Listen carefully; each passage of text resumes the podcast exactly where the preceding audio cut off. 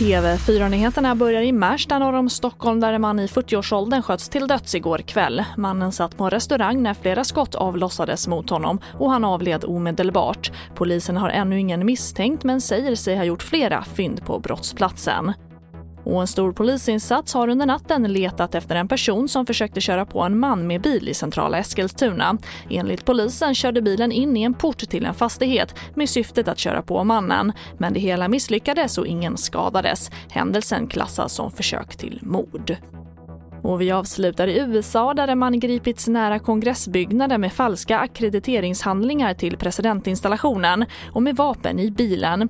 Och i alla 50 delstater förbereder man sig på protester från uppretade Trump-anhängare inför att Joe Biden svärs in på onsdag. Vår reporter Stefan Borg är på plats i USA och säger så här om det.